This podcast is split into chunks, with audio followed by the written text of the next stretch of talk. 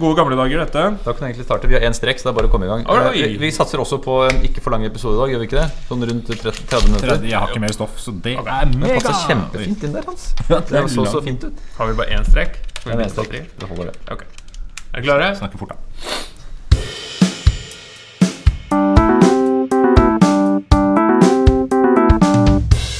Den gang da. Hei, hei, hei, hei, hei, og velkommen nok en gang til denne fantastiske historiske podkasten Den gang da. Takk for det. Bare hyggelig. Takk for det. Dere, Jørgen og Hans, er med meg som vanlig. Ja. Ja, Ja, ja, ja, ja, jeg er med. Jeg, faen. Hyggelig, hyggelig. Jeg er så med. I vårt lille bortgjemte hjørne i skolens korridorer her, så sitter vi og er sikkert, ja, snakker i en podkast. det er sikkert mange som lurer på hvordan det ser ut rundt oss når vi spiller podkasten. Skal vi akkurat nå ta en liten snap som vi kan- Ikke snap, men vi tar en liten selfie som vi kan legge ut på Face Vi har ikke tatt selfie siden vi lagde intro-cover-bildet. Nei? siden julebordet. Der hvor, ja, ja, sant, men der hvor Henning er eh, i midten fra er vi penest. se Nå må jeg bare få telefonen til å virke. Takk for det. Jørgen. Takk for det. Sånn. Kom igjen, bli med, da. Hans, du, du kan ikke være i midten. Jo, jo. Sånn. Da legges det ut på Face. Og så kanskje vi får litt Så Facebook for de som eh, ikke bruker forkortelser i daglig Og dere kan også finne oss der inne på Face. da Dere kan finne oss og Feis. følge oss på Ja. Face. Eller, sånn, eller sende e-mail. Ja, Si meg ja. Brevpost har vi. Ok. Eh, Ja, Vi skal ikke snakke om eh, Facebook og moderne sosiale medier. Vi skal snakke videre om historiens eh, lange løp, som vi pleier å gjøre. Vi er jo som sagt eh, tidligere tre historielærere som prater om historie. For de som skulle være førstegangslyttere. Og som da velger å gå inn i Afrika episode tre. Ja. Første episode. Det er jo sikkert noen av dem òg.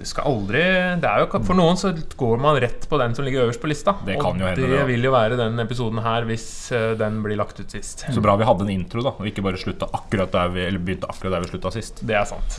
Og så får vi liksom prate oss litt varme. Det er litt viktig, det òg. Mm. Ja, for det er ikke spesielt varmt her i Nei, det er friskt. Nei, det er kaldt, faktisk. Kaldt. Prioriterer ikke varmeapparat i studio. Ja, og det er jo litt rart at det er kaldt her, siden vi skal snakke om et varmt sted. Oi, oi, oi! Oi. Ah. Vi skal snakke videre om Afrika. Vi har eh, hatt uh, en slags uh, triologi her nå, blir det jo da. For vi har snakket om Afrika før kolonialiseringen. Vi har snakket om koloniseringen. Så tenkte vi i dag å snakke om Afrika etter uh, kolonitiden. Altså hvordan Afrika blir mer det som er dagens Afrika. Ja. Og vi er klar over at Afrika er et stort sted med store forskjeller og alt sånn, men vi ja, vi bruker uh, litt grov kam her og greier alle over en kam, nærmest. Ja, vi Vi skal prøve å gå litt i detaljer, Ja. men vi får jo ikke sagt alt om alle, eller sånn, så vi er klar over det. Vi beklager det. Vi, sånn er det nå en gang med dette formatet. Så for å si det enkelt, avkoloniseringa 50- og 60-tallet. Ja. Da da, Takk det for var i det. dag. Ja, da dagens ord. Ja, sånn, ja.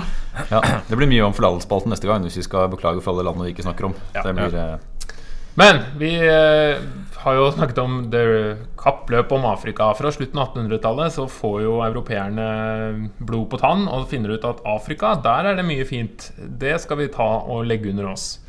Og gjør jo det ganske radig. Mm. Så fra liksom slutten av 1800-tallet til begynnelsen av 1900-tallet så er jo nærmest hele Afrika kolonisert. Eh, Men det er jo ikke kolonier i dag. Eh, hvorfor ikke det? Du lurer på hvorfor det, ja? Ja. Det, det skal vi hjelpe deg med, vet du, Henning. Eh, Skal vi, skal vi ta noen hver Hans? Ja. Eh, Skal, vi, skal vi starte da med at eh, etter andre verdenskrig, spesielt, ja, litt før også, men eh, mye etter, så har man en sånn eh, En stadig økende mentalitet rundt eh, frihetsprinsippet, altså nasjonenes frihet osv. Uh, det, er det er ikke noe nytt eh, da, men eh, det øker. Og eh, dette kombineres med at man i Afrika får en eh, Ettersom institusjoner vokser fram og man får eh, høyere utdanning osv., så, videre, så får man en bevissthet rundt det også i Afrika blant lokalbefolkningen, altså den opprinnelige befolkningen. Ikke koloniherrene, da. Eh, Så man får rett og slett en, en tanke om at hvorfor er ikke vi fri som nasjon? Ja, En nasjonalistisk oppblomstring. Ja, delvis. Samtidig så kan du se dette her at at det egentlig er liten grad av påvirkning fra den europeiske nasjonalismen. Altså Vi har mye nasjonalisme i Europa på 1800-tallet med konsolidering av nye stater osv. Og dette her fører jo til krig både i første verdenskrig og andre verdenskrig. Og det er ikke så mye inspirasjon derfra egentlig som fører til at eh, afrikanske land begynner å jobbe for sin egen selvstendighet. Eh, det handler kanskje vel så mye om, eh, om utdanningseliten i afrikanske områder som nå har blitt utdanna i kolonimaktenes institusjoner, og som, også, som da får et ønske om å ha høyere stillinger. De ser muligheten for sosial og økonomisk framgang ved å kunne å sjøl ha mer, mer makt. Eh, og, og da blir jo også prinsippet om at vi, vi, vi trenger å styre vårt eget land ikke bare pga. at land skal styres ut fra det nasjonalistiske det av seg sjøl, men, men også fordi det vil de gi, gi afrikanerne sjøl mulighet til å hevde seg. Da, i, Så, så sagt på en annen måte, om ikke de, de er inspirert direkte av europeerne, så kan man si at europeerne hadde en viss eh, sympati for ønsket til afrikanere om selvstendighet. Ja, for det er klart at det er jo forutsetninger og drivkrefter både fra afrikansk hold og fra europeisk hold, dette her. ikke sant? Fordi det vi ser, er jo at eh, i forbindelse med andre verdenskrig, når man får eh, Atlanterhavserklæringen og, og etter andre verdenskrig med FN osv., så, videre, så ser man jo også at det vokser fram ideer i Europa om at nasjoner skal ha egen selvråderett. Uh, ideer som under andre verdenskrig blir eh, blir rokka ved da, av, mm. av eh, nazistene osv. Atlanterhavserklæringen, hva er det for noe? Det er en erklæring. ja. ja, men, men siden du trekker inn den, hva sier den? Nei, altså, den, den sier eh, at Eller den har visse ideer, den er skrevet under andre verdenskrig. Den har visse ideer om at hver nasjon skal ha selvråderett over sine egne nasjonalstatlige grenser. Eh, og så finner man ut at ja, dette her er skrevet fra et europeisk perspektiv, men man skjønner samtidig at det bør også ha innvirkning på de afrikanske områdene, eller de områdene man i det hele tatt har kolonisert. Da. Så man innvilger utdanningselite og eh, elite i det hele tatt i de afrikanske koloniene noe mer status på bakgrunn av dette her. Eh, Det skal sies at det tar litt lengre tid enn et kvarter før europeerne skjønner at det bør også gjelde for de områdene de tidligere har kolonisert. Men, men det er nok noe av grunnen, altså mentalitetsendring i Europa eh, og USA, altså i verdenssamfunnet, da, etter andre verdenskrig fører til at man, de, de tendensene får eh, innvirkning også i koloniene. Et par andre grunner. Eh, Det er enkelte historikere som har hevda at um, framveksten av Sovjet har noe å si for dette. At eh, amerikanere hadde et eh, Dette er sikkert ikke alle historikere enige om, men amerikanere hadde et ønske om at eh, kolonistyrene i Afrika ikke skulle opphøre, fordi de da selv kunne ha større hva skal jeg si, innflytelse da, på de afrikanske områdene, som også sovjeterne var interessert i. Så man så i mange steder i verden at man, man møtte, møtte Sovjet eh, i væpna konflikter på altså fremmed jord. Og så så man også dette som et mulig sted da, for eh, å bremse Sovjets innflytelse over verden. Det var også Afrika. Eh, også, også helt enkelt så må man selvfølgelig ikke avfeie det at det var en del misnøye blant afrikanske befolkningen generelt. Hvorfor skal vi bli kolonisert? Hvorfor skal vi forbli ufri da, som nasjon? Ja, det her er jo en artig konsekvens nettopp kanskje av det at man har gitt afrikanske eh, afrikanere mer utdanning. Man Mhm. har åpna for at de kan utdanne seg i landene som, som har kolonisert dem. Så at de, de får de samme ideene om eh, nasjonal selvråderett, de får de samme ideene om menneskerettigheter, de får ideene om liberalisme og frihet, ikke sant? Mm. Eh, som tidligere kanskje ikke har vært så indoktrinert der, men som, som også fører til da, en fremvekst av, eh, av selvstendighetstanker. I tillegg så er det mulig å si at, eh, at man at man innvilger dem flere og flere rettigheter rett og slett som en takk for at de var lojale under andre verdenskrig. Eh, elitene i afrikanske land, var, eller kolonier, da, var, var lojale mot, uh, mot koloniherrene under krigen. Og man ønsker å, å innvilge dem visse rettigheter etter det her. Og jo flere rettigheter du gir, jo flere rettigheter får man lyst på, naturlig nok, fordi man ser at man har muligheten til det. Og det fører da heldigvis, vil jeg si, til en eh, avkolonisering. Ja, for det er jo flere årsaker her. Det, som dere sier, eh, andre verdenskrig er viktig. Eh, både fordi man får en ny tanke om nasjonal selvråderett, men også sant, fordi de europeiske landene er jo ganske skakkjørte.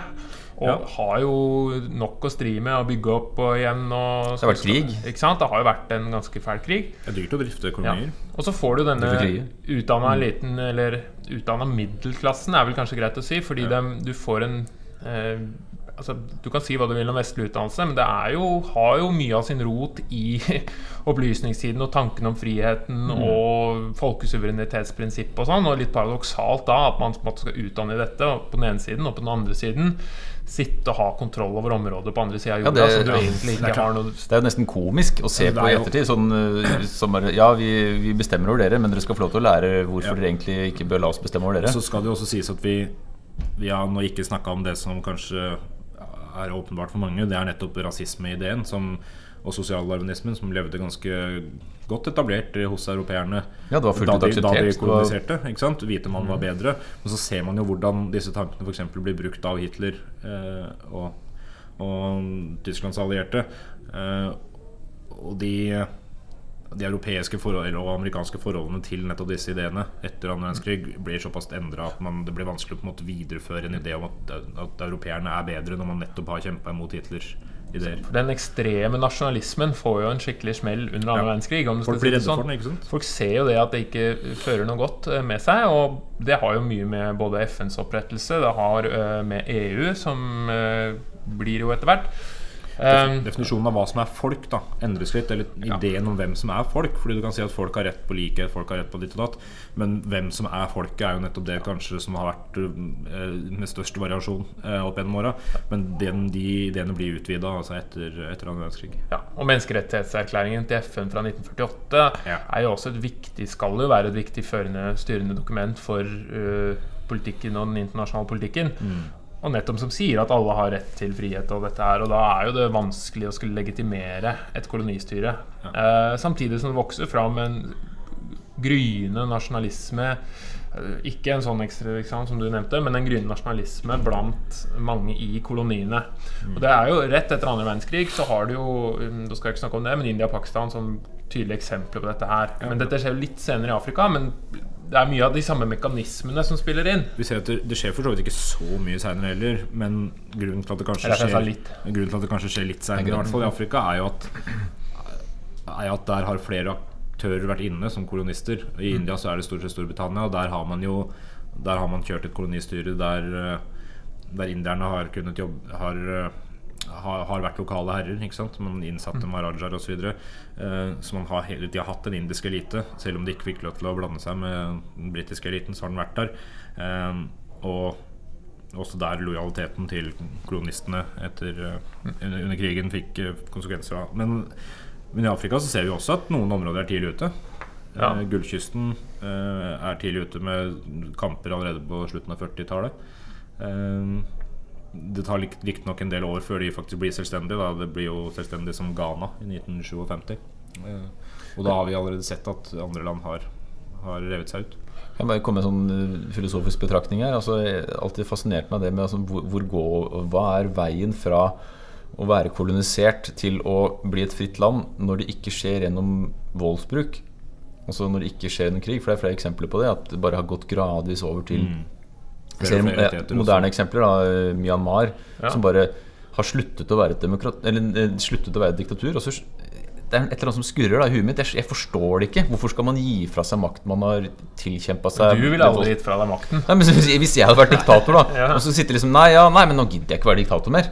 Ja. Altså, all, altså, man sier jo at absolutt makt korrumperer absolutt. Altså Hvis du sitter lenge med makten, så blir du gæren og bruker makten til deg sjæl. Men det er jo en, det er nok et for det, Du kan si at en diktator, men en diktator er jo aldri alene med å utøve sin makt. Nei. Så det er en systemisk uh, oppløsning da hvor at flere og flere begynner å se at vi trenger å gjøre noe. Så man må forandre Mm. Så er systemet. press. Altså, Myanmar er jo et ser- godt eksempel. Ja, eller, eller er Gambia, da. Det, nyeste eksempelet med Gambia, presidenten som ble pressa til å gå av.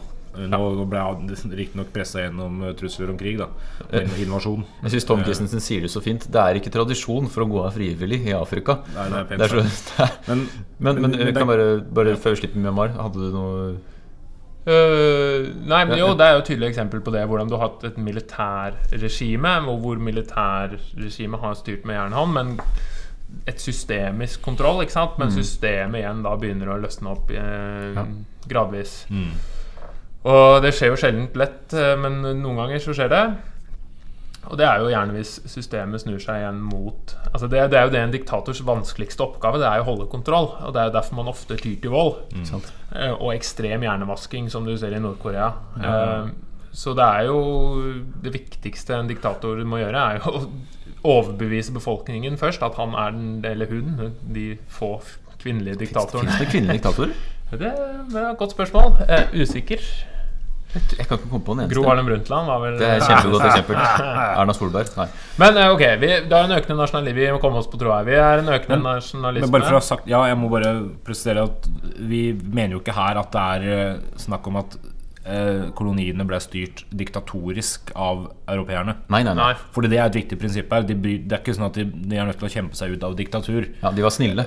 De var, Nei, det handler ikke om det heller, fordi det er en mellomting mellom fullstendig demokrati og diktatur Er her. det? Ikke sant? Men det vi ser, er jo at de europeiske eh, kolonistene, altså koloniherrene, eh, i større grad har blitt demokratisert sjøl også. Fra de startet koloniseringa og til etter annen verdenskrig. Demokratiet i, i verden har jo i stor grad blitt forma etter krigen, og kanskje av det. Den, eh, så derfor eh, Derfor er det jo snakk om at de koloniene da bryter ut av allerede eksisterende demokratiske system.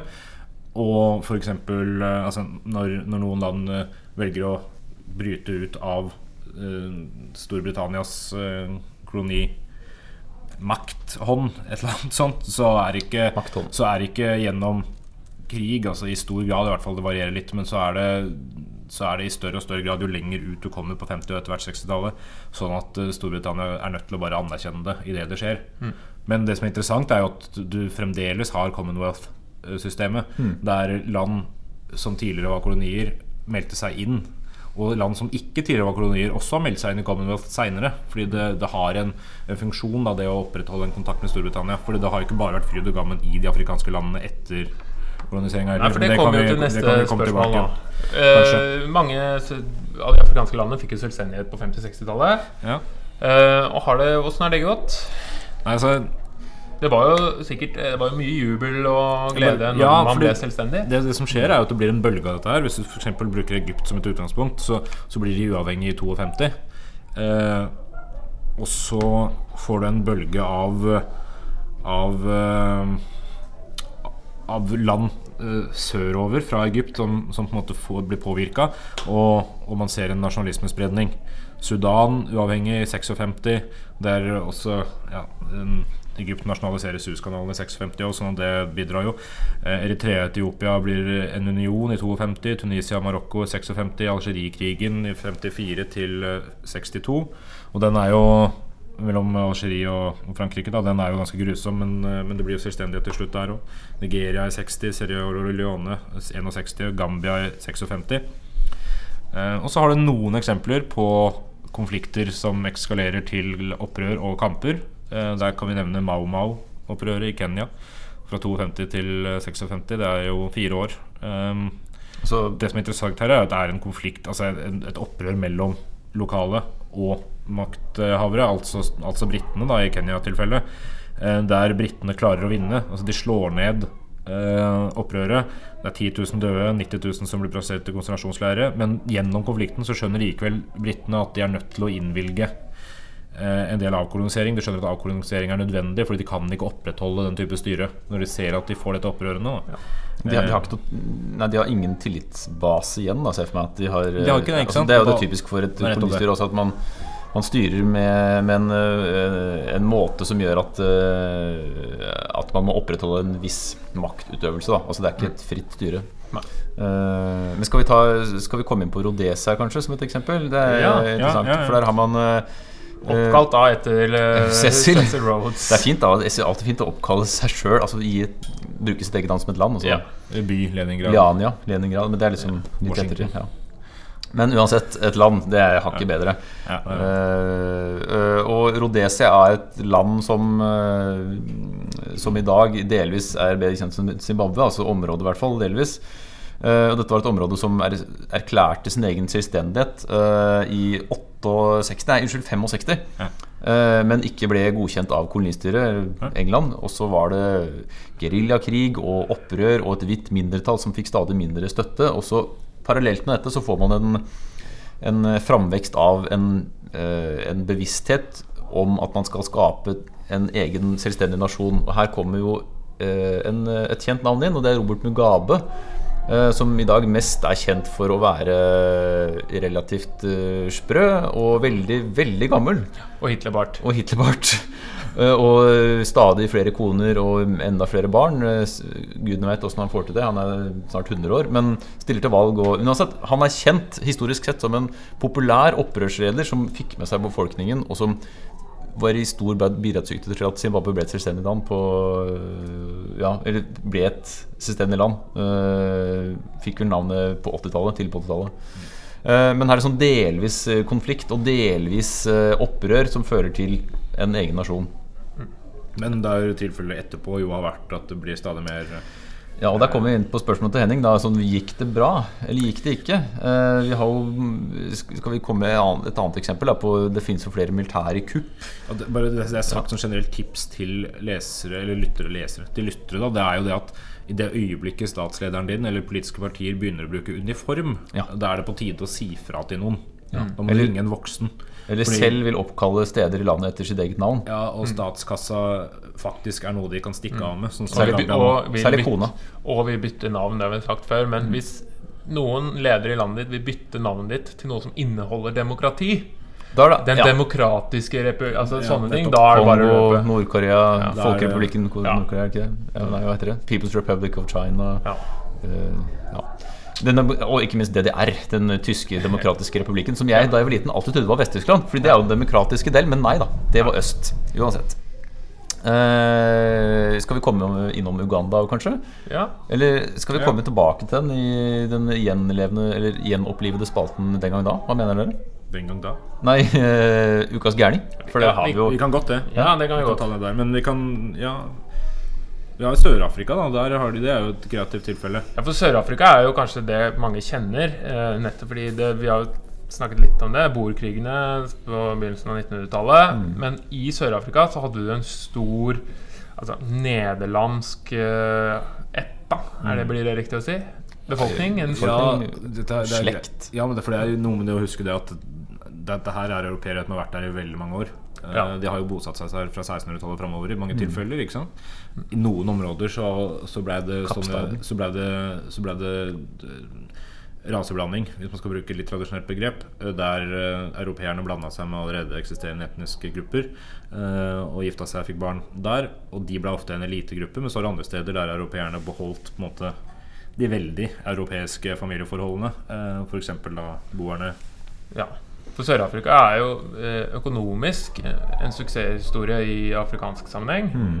men hva skal jeg si kulturelt og sosialt så må man jo ha stille visse betenkninger med Det hvordan det landet har vært styrt. Jeg synes alltid det er veldig fascinerende å tenke på at det er så kort tid siden. Dette har vi kanskje snakket om før Men altså 1994, apartheidregimet altså Det er et, et rasistisk styre. Ja, fordi, bare for- bare for å forklare det, altså, det er, det er et, et segregering mellom hvite og svarte i befolkningen. Altså Her skal vi altså Sånn som opp, eh, Sånn som opphørte i USA på 60-tallet. Altså at man ikke kunne kjøre i bussen sammen. Ja, Som egentlig jeg syns er veldig nærme. ja, det er også nærme, men, Men 1994 1994, det, var OL på Lillehammer. OL da, ja. da hadde man et rasistisk styre i Sør-Afrika. Altså politisk sementert rasisme. Eh, men det opphørte jo også da med, med fredsprisen også til de Klerk og Mandela, uh, som på en måte jobbet aktivt mot, uh, kanskje mer eller mindre frivillig fra de Klerk, det til lærde, men opphørte da å eksistere. Men fram til det, altså et rasistisk styre i Selvfølgelig, Det var jo motstand mot det blant andre land i verden, men på ingen måte så mye som man kanskje skulle håpe. Nei? Nei. man, eh, det var jo ikke snakk om at FN gikk inn og intervenerte. At man, jo- altså, det der var holdninger som man visste var der. Eh, skal, skal det jo også sies at det var chartertur til Spania under eh, fascistregimet til Franco. Eh, Så europeere har alltid vært gode på å se litt mellom, eller gjennom fingra. på- Det er et godt eksempel på altså, apartheidregimet. Hvordan den økonomiske eliten blir den politiske eliten og kontrollerer da Fordi det er jo mindretallet som har de største privilegiene. Det er skillet mellom svarte og hvite, hvor de hvite på en måte høster de fleste godene. Og ja, rett og slett, som du sier, rasisme satt i system. Men heldigvis opphører, da.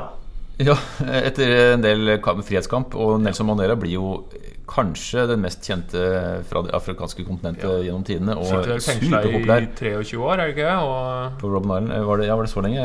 Dette kan vi si om Frans for neste gang. Men Ja. i hvert fall veldig lenge. Han kommer ut som en eh, folkehelt og eh, Ja. gjør et brakvalg og sitter som president eh, ganske lenge. Um, og blir en, han blir en, sym en symbolfigur da, på, eh, på de svartes rettigheter i hele Afrika som kontinent. Nels Mandela han er også en sånn fyr som i sin karismatiske natur eh, virker veldig sammenbindende. Men han er jo en sånn ordentlig bestefarfyr. Han virker jo sånn supersympatisk. Eh, skal si Han har gjort ting, han òg, i sin politiske kamp før han ble fengsla, som, eh, som selvfølgelig ikke nødvendigvis tåler dagens lys. Men vi trenger ikke å altså, poen- Poenget er at eh, man kan tidligvis kanskje si at målet helliger middelet noe. Ja, Men, og, eh, bare det å, og bare det å klare å Altså til, i hvert fall til en viss grad Å klare å samle en nasjon som har en så vanskelig fortid, Ja. det er um, Og man kan si at Sør-Afrika er et samlet land, det er kanskje å ta i, men Nei, for det er problematisk der fremdeles. Det er jo selvfølgelig det. Men politisk sett så er det i hvert fall eh, Altså formelt ikke- sett ikke Ikke rasistisk lenger. Det er ikke ulovlig å gifte seg på tvers av Nei. eh, raser og sånn nå, men eh, kanskje ikke alle aksepterer det. Nei. Men uh, Sør-Afrika er jo greit. Uh, når vi er inne på 1994, kan vi nevne litt Rwanda òg, som kanskje noen kjenner til. Folkemorder, i Rwanda. For det også er jo i 94. det er kjempekort tid, det òg. Det kan jo også trekkes linjer til kolonitiden. For litt av problemet med Afrikas eh, nasjonale struktur da, om jeg skal si sånn, er jo nettopp som vi har snakket, stammer mye fra Berlinkonferansen, hvor europeerne satte seg ned og lagde land. Linjalland. Ja, For det er jo viktig å tenke altså, Land, nasjonalstater og det vi kaller land, er jo en konstruert enhet. Det er ikke noe sånn at de har vokst ut av naturen i Derfor er det det landet der og det landet der. Ja. Halden, det skal være norsk. Mens uh, Tøksfors, der uh, Der går faen meg grensa. Det er jo en politisk handling som har ført til landegrenser. Og da når den kommer litt ovenfra Ofte så vokser den jo opp fra en folkegruppes nasjonalisme og slags en forening om at vi er oss og de er dem. Noen ganger i hvert fall vokser den nedenfra, men andre ganger så vokser det også ovenfra og nedover. Og da Ja. har det mindre legitimitet. Og det er jo det som har skjedd mange tilfeller i mange afrikanske land, hvor du får ulike folkegrupper som på en måte Dere er ett land, og så sier de ja, men vi har jo ikke noe til felles med de, og så er det en kime til konflikt hvor ulike folkegrupper eh, slåss om makt og innflytelse og grenser osv. Rwanda er jo et kjent eksempel på hvordan to ulike folkegrupper som for utenforstående ikke, vi har jo, altså Jeg har jo ikke noen formeninger om noe forskjell på en hutu, hutu eller en tutsi, men som har jo da skapt eh, i 94 en forferdelig tragedie, hvor hutuene aktivt gikk inn for å ja, rett og slett slakte tutsiene. Og tutsiene var jo en folkegruppe som Var det fra belgierne, var det ikke jeg? Som på en måte ble dyrket fram som en elite i landet under deres styre. Eh, De var litt høyere og litt lysere og derfor definert som en eller annen slags overklasse. Og da etter kolonitiden snur litt maktskiftet, hvor hutuene, som er den mest folkerike gruppen, blir dominerende. Og det er en slags propaganda, en slags det er, det er vanskelig å si. Det er en sånn Men det er noen radiomeldinger. det er noen radiomeldinger hvor det blir sagt at de lange trærne skal De høye trærne må hogges ned, og det skapes en sånn hatdynamikk. En sånn også dem-tankegang. Hvor at alle, alle problemene er skapt av tutsiene. De er kimen til alt vondt som har skjedd deg noen gang. Og så Så går det veldig fort. Ja. Og det er mange hundre tusen ja, ja. eh, drap. Og, og, og, og verdenssamfunnet er på en måte lamma. Ingen eh, intervensjon. Man eh, prøver å gjøre noe etter hvert, men det, det, man rekker aldri å Og så er det liksom ikke sant? Og det internasjonale samfunnet står her og diskuterer kalles det folkemord. Fordi tradisjonelt sett, et folkemord har jo gjerne vært en, hvor en stat systemisk har gått ut og drev. ikke sant? Mm. Holocaust er et tydelig eksempel. Ikke sant? Maskinelt prosessert folkemord. Men her så er det jo geriljagrupper. Det er Det er mer Kall det, nærmest, ja, ikke sant? Kall det nærmest vanlige folk da som tar macheten i hånda og går ut uh, og begynner å hugge ned tutsier.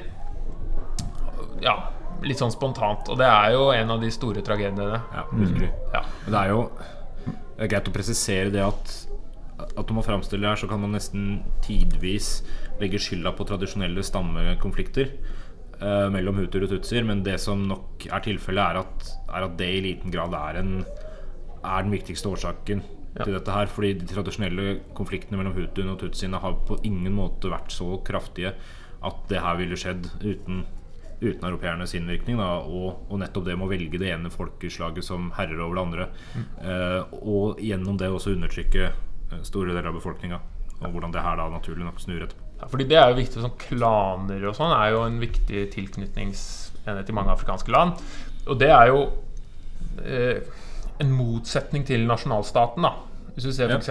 i Somalia, hvor, hvor klantilhørighet er viktig, og blir jo desto viktigere når det nasjonale statsapparatet på en måte forvitrer og blir eh, borte. Så det er en sånn kombinasjon av det på en måte gjør nasjonalstatlige apparatet vanskelig å opprettholde, samtidig som mangelen av statlig apparat gjør klantilknytningen desto viktigere Det er mange alternativer til nasjonsbegrepet når det gjelder å samle folk. Altså, og det her snakker vi jo delvis et dynasti, ikke sant? hvor du har noen i familien som, da skal, som, som er viktigst. Ok, eh, vi har en par ting. Eh, har du eh, Da fortsetter bare jeg, etter ja. håndbevegelser fra min sidemann her. Eh, vi har jo ikke vært innom Uganda.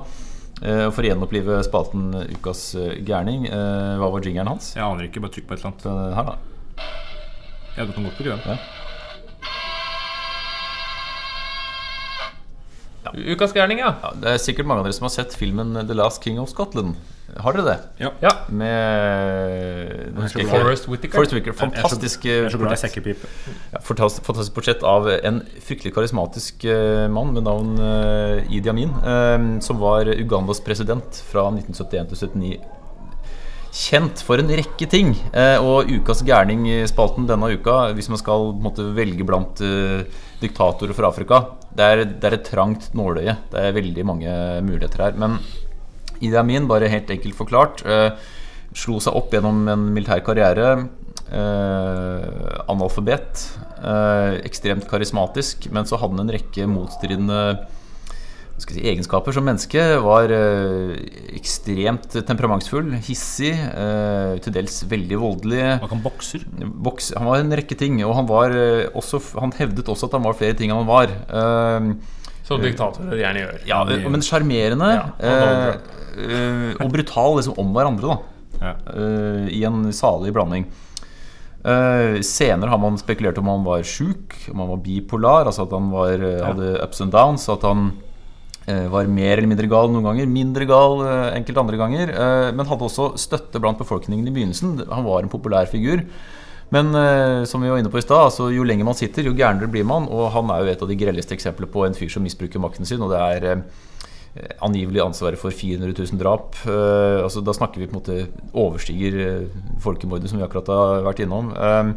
Og så Hvis man skal se på, en måte i skoleboken for hvordan bli en diktator, så har han også et par kjente trekk som man også skal være obs på hvis man skal se på sine statsledere. Eh, Tittelen han ga seg selv, ble lenger og lenger. Eh, så jeg har, jeg har skrevet parafrasert her en engelsk versjon. Eh, og da hans fulle tittel ble til slutt Er dere klare? Ja. His Excellency, President for Life, Field Marshal Al-Haji Dr. Idi Amin Dada, eh, VC DSO MC Lord of all the beasts of earth and fishes of the seas and conqueror of the British Empire in Africa in general and Uganda in particular. ja. Det er bra navn. Her er vi liksom på romersk eh, keisernivå, Ja, ja, ja, altså. Eh, ja, og så altså bare for å liksom spe på myten der, da. Usikker på alder, vet ikke helt når han ble født. Men antagelig mellom 1923 og 28. Eh, veldig sikker på at han døde i 2003, da, for da var han i eh, eksil i Saudi-Arabia. Ble kasta ut eh, til slutt. Hadde et estimert antall barn, 43, med en rekke forskjellige koner. Og døde da på et sykehus i Saudi-Arabia. Han ble styrta i 1979. Eh, fascinerende skikkelse. Se filmen. Den er absolutt verdt å se. Ja, fytti rakkeren. Uh, ok. Altså, det var ukas gærning. Ja. Skal vi, også, skal vi også bare nevne at han var støttet av eh, kjente frihetsforkjempere som Muammar Gaddafi, blant annet. Eh, ja, ironi der, altså. Hvis Ja. ikke det kom fram. Men eh, David, siden du dro på den nå, så tenkte jeg at da, vi nærmer oss sikkert eh, dagens episode. Men før vi tar dagens ord, så tenkte jeg vi må avslutte, avslutte om Afrika. Hva tenker dere om Afrikas fremtid, da? Så dette er jo en historie i en stort eh, kontinent osv., men eh, la oss generalisere litt og se videre. Kan, jeg, kan jeg ta en økonomibit først? Ja, først? gjør det. det er en voldsom oppblomstring av økonomisk eh, vekst i mange, mange afrikanske stater som, som eh, verden for øvrig ikke kan måle seg med i mange tilfeller. Så sånn sett positivt. Eh, Ja. Men det er veldig mange Kina er vel sterkt inne? Kina- Det sterkt er, inne, og problemet det bekymrer meg litt òg, fordi Kina driver med en type business i Afrika som ligner skummelt mye på den europeiske kolonihandelen. Okay. Men på en annen måte, en økonomisk eh, Jo, men de men, mm, men her har du en idé eh, der, der du ser kinesiske bedrifter på en måte som setter inn delvis sine egne arbeidere som ledere, eller sine egne folk som ledere, og afrikanere i arbeiderposisjoner, men også en type holdning om at, om at kinesiske arbeidere er de beste arbeiderne. Eh, så de afrikanske arbeiderne kan aldri måle seg med kineserne. Altså en, det som kan minne om en rasisme, da, rett og slett at kineserne i utgangspunkt er bedre til å jobbe enn afrikanerne, og derfor fortjener bedre lønn osv. Men like fullt, det har vært en eh, forbedring av levekår for middelklassen i mange afrikanske land. På den annen side så har man jo også sliter man med ettervirkninger av kolonitiden fortsatt. Med vanskelige landegrenser, eh, store interne konflikter eh, og fortsatt statsledere som sitter og ruger på makta si. Og, eh, Ja, og man har, man har gjeld. masse gjeld. Ja. unødhjelp som ikke nødvendigvis kommer dit det skal. Og jeg, jeg tror nok at dette her kommer Og, og korrupsjon, ikke minst. korrupsjon. Alle sier jo dette her at å sende penger ned ikke nødvendigvis er den beste løsninga, men å drive handel med afrikanske land nok vil bidra til vekst der også. La på en måte markedsøkonomi med Europa som aktør også vil spille inn positivt. Eh, samtidig så Utdanning er nok nøkkelen til veldig mye bra. Eh, og det å innvilge folk eh, utdanning uh, innafor forskjellige felt, det, er, eh, det tror jeg er lurt. Altså. Og jeg håper det, håper det skjer. Så hør på den gang da, dere som skal styre Afrikas eh, mange land. Men det er vanskelig. Eh, Vi kan koble inn dagens ord her, som egentlig ikke er et ord, men et eh, ordtak eh, fra ja, jeg tror jeg lurer på om det er swahili. La meg i hvert fall spille rollen som programleder litt. Grann, da. Sorry, sorry, kan Eh, og Hans, har du noe dagens ord i dag? Det har jeg. Ja. Det var ikke dagens ord. Nei, men? Du stjal jo jingeren min i stad. Ja. Så måtte jeg bytte. Så det her er nå akkurat i dag den nye jingeren til dagens ord. Ja, det er festlig. Det var festlig. Det er en fjær. Uh, det er et ordtak som eh, sier seg at eh, man kan ikke overbevise en ape om at honning er søtere enn banan. Eh, det er vanskelig å få folk som er ven- vent til noe, og anerkjenne noe annet, selv om det andre for mange andre kan fremstå som bedre. Sånn, ja. Eh, Det var noe av grunnen til at det tok lang tid for europeerne å innse at de ikke kunne være herre over hele jækla verden. Det tar litt tid Og det tar litt tid å få Gambias president til å skjønne at han kanskje bør godta et Men valgnederlag. ikke, ikke for å være kritisk til ordtaket, eller, men burde det ikke vært Det du tar lang tid å overbevise en ape om at eh, honning er bedre enn en banan, for søthet er vel mer sånn en absolutt Jo type da, for all del. For all del. Samtidig, Mens så kan jo, er en samtidig så kan jo søt også bety en andre ting enn bare sukker. Altså søt som i sukker. Da. Det kan jo altså, Sweet deal, altså et eller annet sånt. Da. Ja. Dette her, er, Så- så det- dette her ordtaket skal jeg sies at det er eh, fritt oversatt av meg sjæl. Ikke fra swahili, men fra engelsk, som da har oversatt det fra swahili. Så Mm. gjennom oversettelsen så kan det hende at det egentlig betyr noe helt Men det, jeg, likte, jeg likte uh, moralen i ordtaket. Ja. Men ordtaket i seg sjøl likte du ikke. Eh, jeg blir bytta ut søt med bedre. altså til dere som skriver ordtak der ute, skjerp dere. Ja. Prøv å dyppe bananen i honning. Ja, det er sikkert godt. begge deler. Ja. Ja, og så la den ligge ute litt. Ja. Ja. Det er sikkert godt. Nå ligger ligger i fryseren banan med honning og kokosstrø i fryseren. Er Sikkert. Jeg vet ikke, jeg har ikke prøvd, men det er Sikkert sikkert godt. Sikkert kjempegodt. Eh, skal vi si takk for nå, og så lar vi Afrika ligge for denne gang. Uh, håper vi dere er litt klokere, det som har hørt på. Eh, og så beklager vi at vi går med H- harelabb uh, gjennom alt, men sånn er det nå en gang. Uh, takk for nå. Takk for nå. Takk for nå.